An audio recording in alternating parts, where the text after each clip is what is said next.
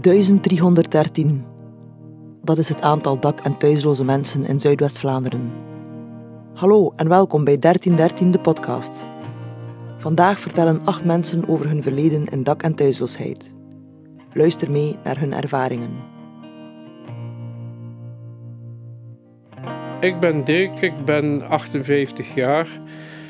En vijf jaar terug was ik dakloos. Nu woon ik uh, in een sociale woning te Belgium. Ik had een, uh, een heel gelukkige jeugd. We hadden niks tekort, we hadden ook niks te veel. Met drie broers en een zuster. Een jeugd waar ik uh, liefde kreeg. Dan ja, van, van jeugd verhuizen we naar een dansingfeestzaal. Waar ik in het nachtleven, we trouwens heel de familie, terechtkom. En ja, je hoort de muziek dan in het weekend en uh, je kan niet slapen. En uh, dus ja, een beetje helpen in de keuken, met, begin met, met tassen af te wassen en zo. En de muziek interesseerde mij enorm. En, uh, je bent geïnteresseerd in de muziek en je kruipt dan een keer achter de discobar. Je zoekt uit wie wat, welke liedjes enzovoort. En ja, dan was ik al de jongste DJ van België ooit. Ik spreek van het jaar 77. Ik was nog geen 13 jaar ja, die muziek die heeft zich dan uitgebreid tot in het jaar 80. En mijn ouders lieten de zaak over.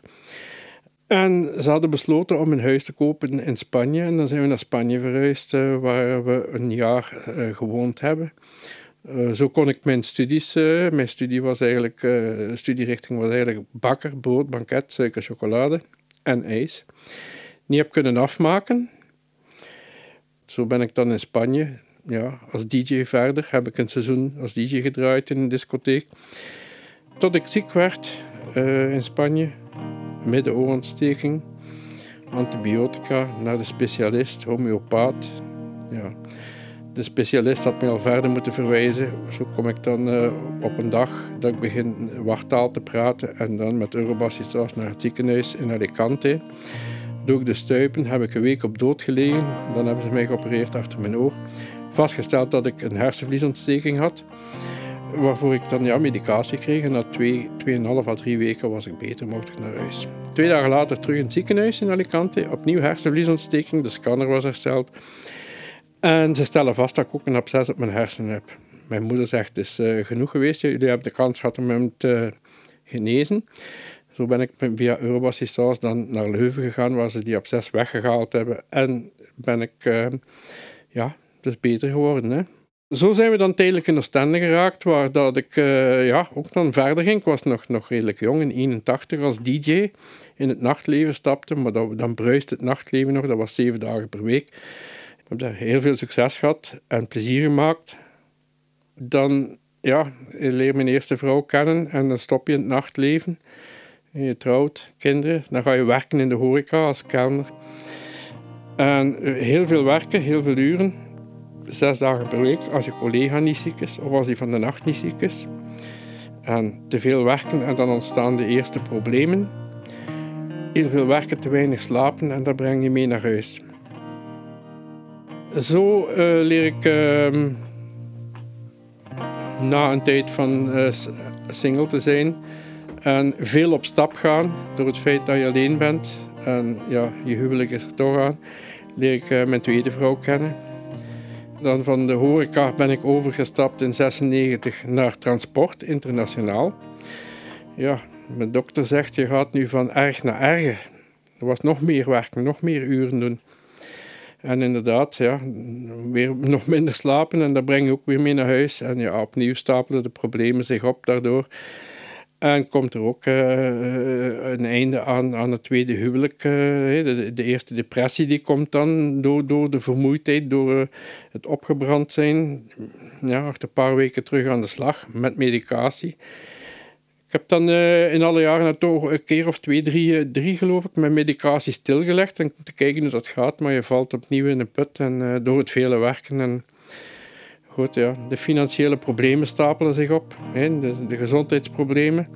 Je had dan weer veel werken om er weer door te geraken. Hard werken hè, in een palettenbedrijf. Tot de volgende burn-out volgt, een jaar afwezig. Dan zoek ik een lichter werk, een ander werk, toch nog veel werk is, als verkoper van audio en video. Ja.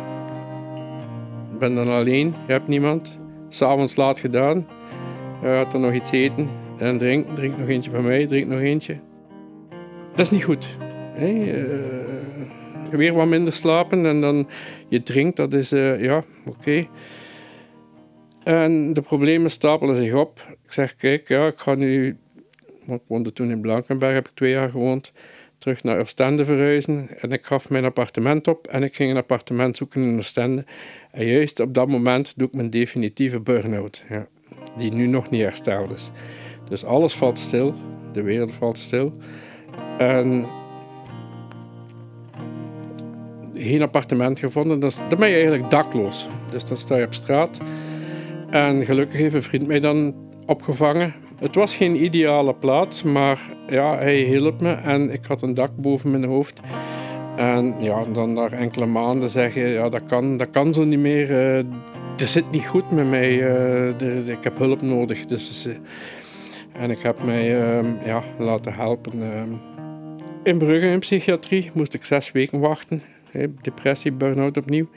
Dus hebben ze mij menen aanbevolen, waar ik ook naartoe gegaan ben. Dat was drie weken vlugger.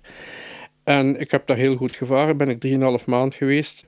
En heb de batterijen terug opgeladen, de therapie, de mensen die er waren. dat gaat van sport tot bakken, tot gesprekken, tot weet ik veel. En dat heeft me vooruit geholpen. Maar ik ben nog altijd uh, dakloos. Ja. Dankzij de sociale dienst van het ziekenhuis hebben ze mij in contact gebracht met CAW Zuidwest-Vlaanderen, die mij dan opgevangen hebben in een groepsleven. Een groepsleven, dus waar ieder zijn eigen kamer heeft en dan maken samen het eten, samen het onderhoud van het huishouden doen, de boodschappen doen enzovoort. Gelukkig was ik opgevangen, maar eigenlijk ben ik nog dakloos. Ja. Maar ik heb er goed bij gevaren, want na zeven maanden kon ik in een studio terecht van CAW, waar ik niet lang verbleven ben. En in die tijd heb ik dan ook uh, problemen gehad met mijn hart, dus een kransslagader die dicht was. En heb ik een stand moeten laten steken. Dus ja, het leven zwaar belast, weinig slapen, drank enzovoort. En ja, als je hoofd moe is, raakt je lichaam moe en je gaat je eigen lichaam schade aanrichten. Ja. Goed, dankzij de stand heb ik eigenlijk een nieuw leven, is mijn leven verder gegaan. Gelukkig kon ik eh, dan terecht in een eh, sociaal appartement in, in Belgium, waar ik nu nog woon. En het is daar heel mooi, vredevol. En ik ben er heel graag, ik woon er heel graag. En ik heb terug een adres, dus dakloosheid is voorbij. Door in, in, in contact te komen met CAW en door uh, werkloos te zijn, omwille van gezondheidsredenen. En zo ben ik begonnen in de inloop, die net naast de nachtopvang ligt. In het uh, ja, bereiden van, van koffie, van drankjes uh, voor, voor, voor de, de bezoekers die daar allemaal komen. Dat zijn mensen die dakloos zijn, tot geburen, tot ouderen, tot hele jonge mensen. Iedereen is daar welkom. En zo ben ik gestart met daar vrijwilligerswerk te doen.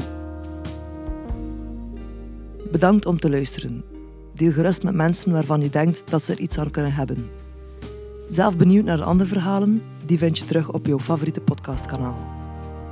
Zit je zelf in een moeilijke woonsituatie? Neem dan contact op met het OCME van uw gemeente of met het CAW op het gratis nummer 0800 13 500. Dit is een podcast van W13 in samenwerking met Streekfonds West-Vlaanderen. Een productie in samenwerking met VZW Quindo.